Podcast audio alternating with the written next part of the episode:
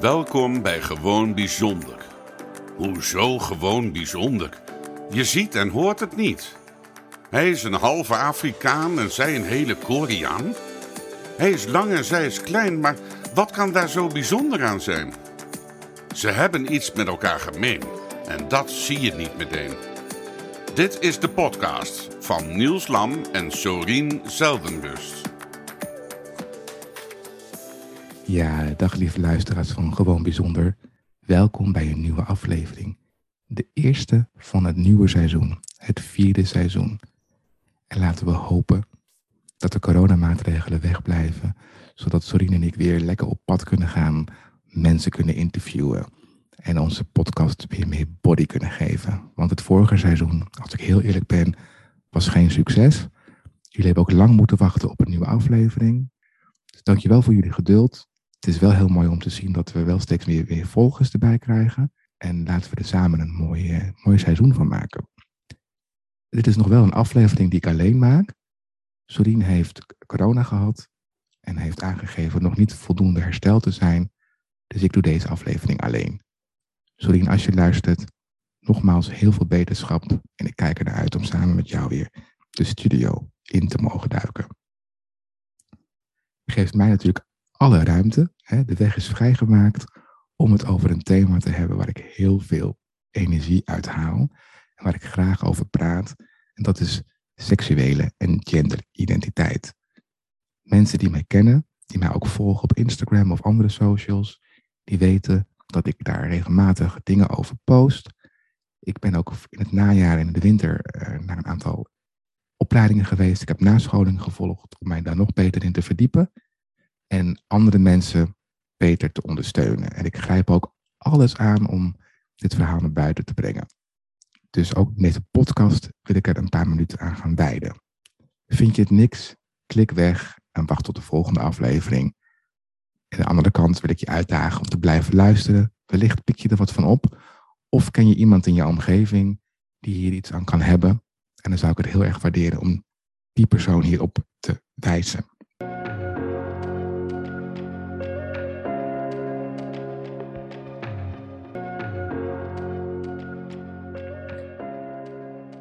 Praten over je seksuele en genderidentiteit. Daar schijnt een taboe op te zitten en het zijn voor velen van ons spannend te zijn. Ik ken veel geadopteerden die uh, worstelen met het wel of niet aan hun adoptie of pleeg, sorry, aan adoptieouders vertellen dat ze homoseksueel of transgender zijn. En dit geldt inderdaad ook voor mensen die in pleeggezinnen zijn opgegroeid overigens. En dat vind ik jammer. Ik snap het wel. Ik, bedoel, ik heb zelf ook heel lang um, niet verteld aan mijn adoptieouders dat ik jongens heel erg leuk vond. Ik denk dat ik een jaar of 23, 24 was toen ik min of meer gedwongen werd door een toenmalige vriend van mij om het aan mijn adoptieouders te vertellen. Ben ik me meteen op het volgende. Laat je nooit door iemand onder druk zetten om uit de kast te komen. Om te vertellen dat jij op iemand van het andere geslacht valt. Daar kom ik zo nog even op terug trouwens. Ik heb het verteld en ik was een van diegenen waarbij de, uh, de ouders heel erg positief hebben gereageerd op het eh, gegeven. Dus er viel ook een hele last van mijn schouders af. Maar er zijn er nog die dat, waar het niet voor geldt. Er zijn nog genoeg mensen die nog steeds in de kast zitten omdat ze bang zijn voor hun omgeving, hoe ze reageren, hoe ze, of ze niet worden afgewezen, of ze wel worden geaccepteerd door hun vrienden. En bij mij was het dus ook heel lang het geval ik wist al heel vroeg in mijn leven dat ik uh, jongens heel leuk vond. Ik denk dat ik een jaar of vijf, zes was. En um, ik wist helemaal niet dat dat homoseksueel betekende. En ik kon er ook niks mee. Ik vond het ook wel heel raar dat mijn oudere zus bijvoorbeeld niet op meisjes viel, zoals ik als jongen op jongens viel. Er was ook geen les in die tijd daarover. Eh, ik heb wel seksuele voorlichting op school gehad, maar dat ging dan tussen een meisje en een jongen. Ja, daar had ik niks aan. En ook in de puberteit uh, gebeurde er helemaal niks. En uh, termen als seksuele identiteit en genderidentiteit, het leek wel niet te bestaan. En ik kreeg ook heel vaak te horen in mijn puberteit dat ik mij als jongen te vrouwelijk gedroeg. Of ik een meisje zou, of ik niet een meisje was, of een meisje wilde zijn. Nou, dat zijn allemaal dingen die ik uh, heb aan moeten horen, die er dus voor gezorgd hebben dat er bij mij een bepaald gevoel van schaamte een schuld ontstond, waardoor ik naar mijn adoptieouders en andere dierbaren er niet over durfde te praten.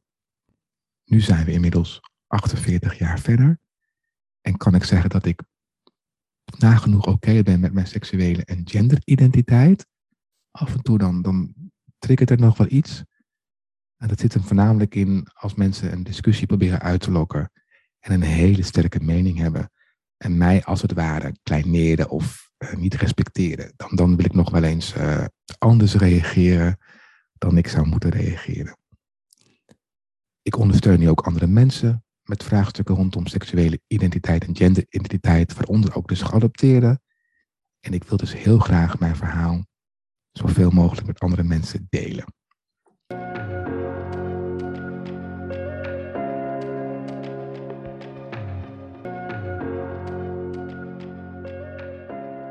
Heb je mij wellicht een aantal termen horen uh, noemen, horen zeggen. En daar wil ik even dieper op ingaan. En dan wil ik beginnen met de term gender. Gender gaat over kenmerken die door de meeste mensen worden gezien als mannelijk of vrouwelijk. Gender dien je niet te vergelijken met seksen. Dat is wat anders. Jouw seksen, dat is hoe jij ter wereld komt en hoe je bent geboren en met welke lichamelijke en geslachtskenmerken jij het leven instapt, mannelijk of vrouwelijk. Tegenwoordig weten we ook dat er iets tussen zit, en dat is intersexe. En intersexe mensen zijn mensen die zowel lichaamskenmerken van de man vertonen als die van de vrouw. Maar gender is dus vooral, het zijn eigenschappen, eigenschappen of uitingen die bepalen of je mannelijk of vrouwelijk bent. En onderdeel van je gender is jouw genderidentiteit. En genderidentiteit gaat erover of je je man, vrouw, allebei of geen van beide voelt. Iedereen heeft een genderidentiteit. En meestal past deze ook bij het lichaam waarmee je bent geboren. Bijvoorbeeld, je bent met een meisjeslichaam geboren en je voelt je ook een vrouw.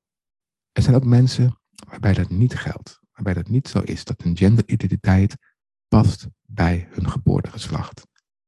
En dit zijn transgender personen. Bijvoorbeeld, je bent met een meisjeslichaam geboren, maar je voelt je een man. Of je bent met een lichaams, jongenslichaam geboren, maar je voelt je een vrouw of man.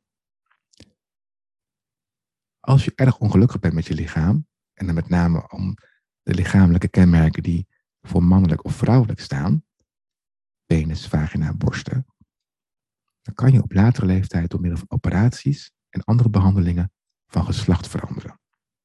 Dit noemen wij in transitie gaan.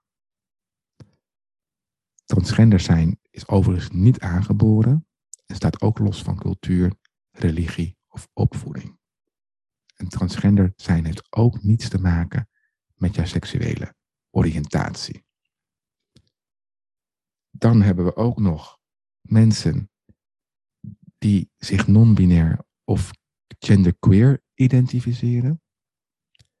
En dat betekent dat je je niet per se mannelijk of vrouwelijk voelt. Deze mensen voelen zich man en vrouw tegelijk. Geen van beide of iets tussen een man en een vrouw in. Er zijn ook mensen die zich de ene keer man en de andere keer vrouw voelen. En dit noem je ook wel gender fluid.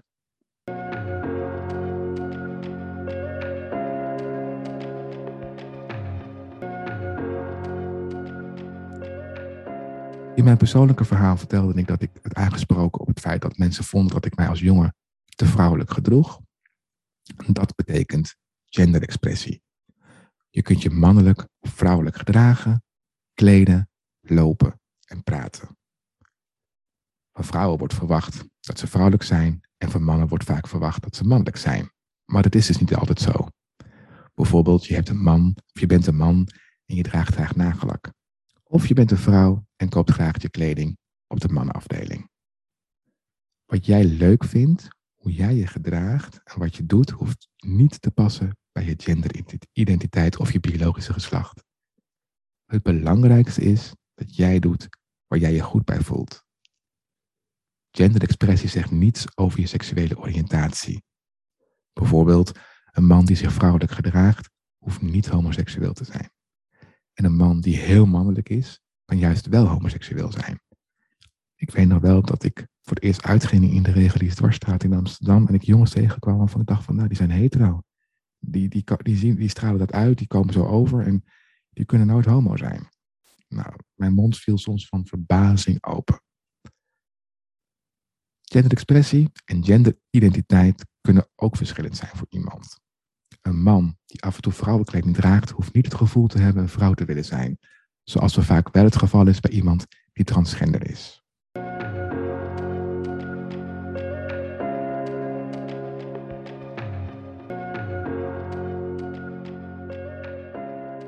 Een ander onderdeel ja, van genderidentiteit is het welbekende travestie en drag.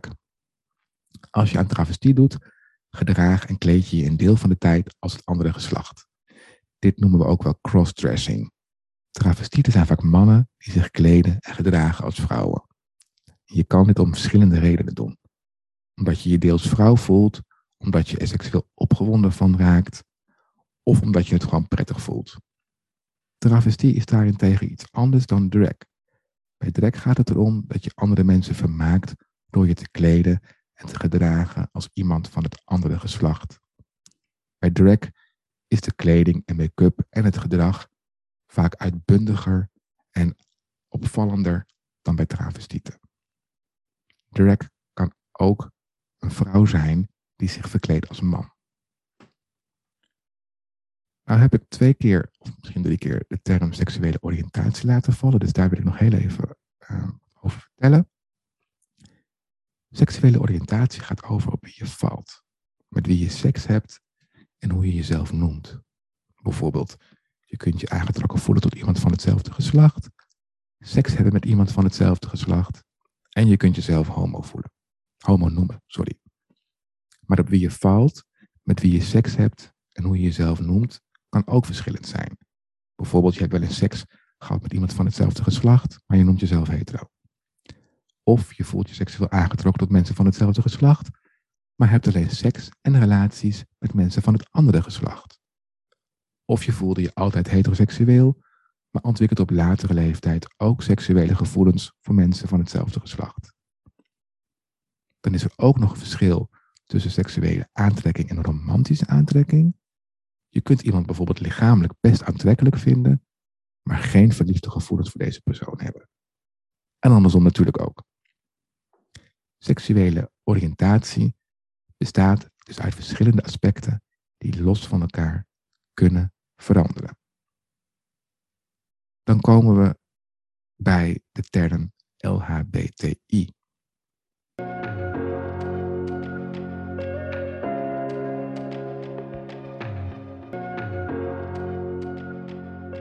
Wel bekend waarschijnlijk. Dat noem ik ook wel het regenboogalfabet. Daarin vind je alle benamingen terug op het gebied van seksuele oriëntatie en identiteit. De bekendste zijn de LHBTI'ers, lesbisch, homo, biseksueel, interseksueel. En de wat minder bekende zijn de aseksueel, panseksueel, omniseksueel en queer. En mensen die zich aseksueel noemen, voelen zich seksueel tot niemand aangetrokken, maar kunnen wel verliefd op iemand worden of zelfs masturberen.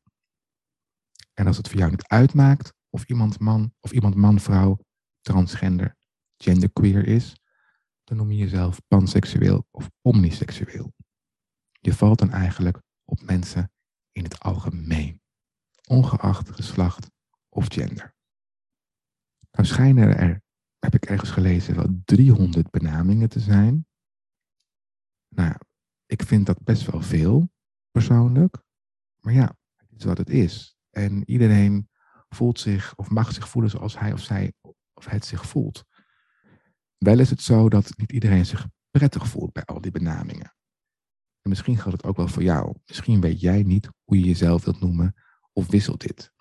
Of je vindt het eng om het hardop uit te spreken. Of je wilt jezelf gewoon niet in een hokje plaatsen.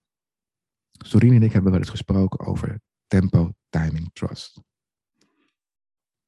Dus als je er niet over wil praten, doe het dan niet. het moment dat je erover wilt praten, komt dan wel vanzelf. En zoals ik al zei, ik ben min of meer gedwongen door mezelf te outen, uit de kast te komen, of coming out genoemd. En achteraf gezien ben ik daar ook heel blij om dat het is gebeurd. Maar als het voor jou niet goed voelt, doe het dan niet. En vertrouw erop dat het moment zich wel aandient.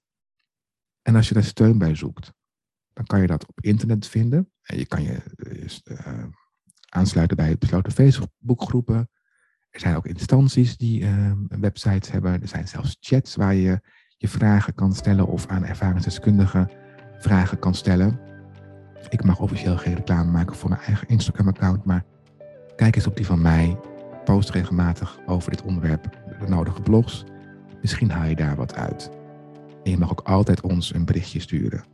En dan zullen wij daar uh, zeker op reageren. En dat brengt mij aan het einde van deze aflevering. Ik uh, wil jullie bedanken voor het luisteren. En ik wil afsluiten met een, um, met een, zin die ik de laatste tijd uh, weer heel veel uh, gebruik. Het is een Afrikaans gezegde en dat betekent: Als je snel wilt gaan, reis alleen. Als je verder wilt gaan, reis dan samen. Dankjewel en tot de volgende keer. Dag. Dit was de podcast van Gewoon Bijzonder. Niels en Sorien horen graag wat je van de podcast vindt. Wil je een review achterlaten of wil je iets delen? Je kan ze vinden op Instagram, Facebook en hun eigen website gewoonbijzonder.nl. En als je daar dan toch een kijkje neemt, volg, like en deel deze podcast. Dankjewel.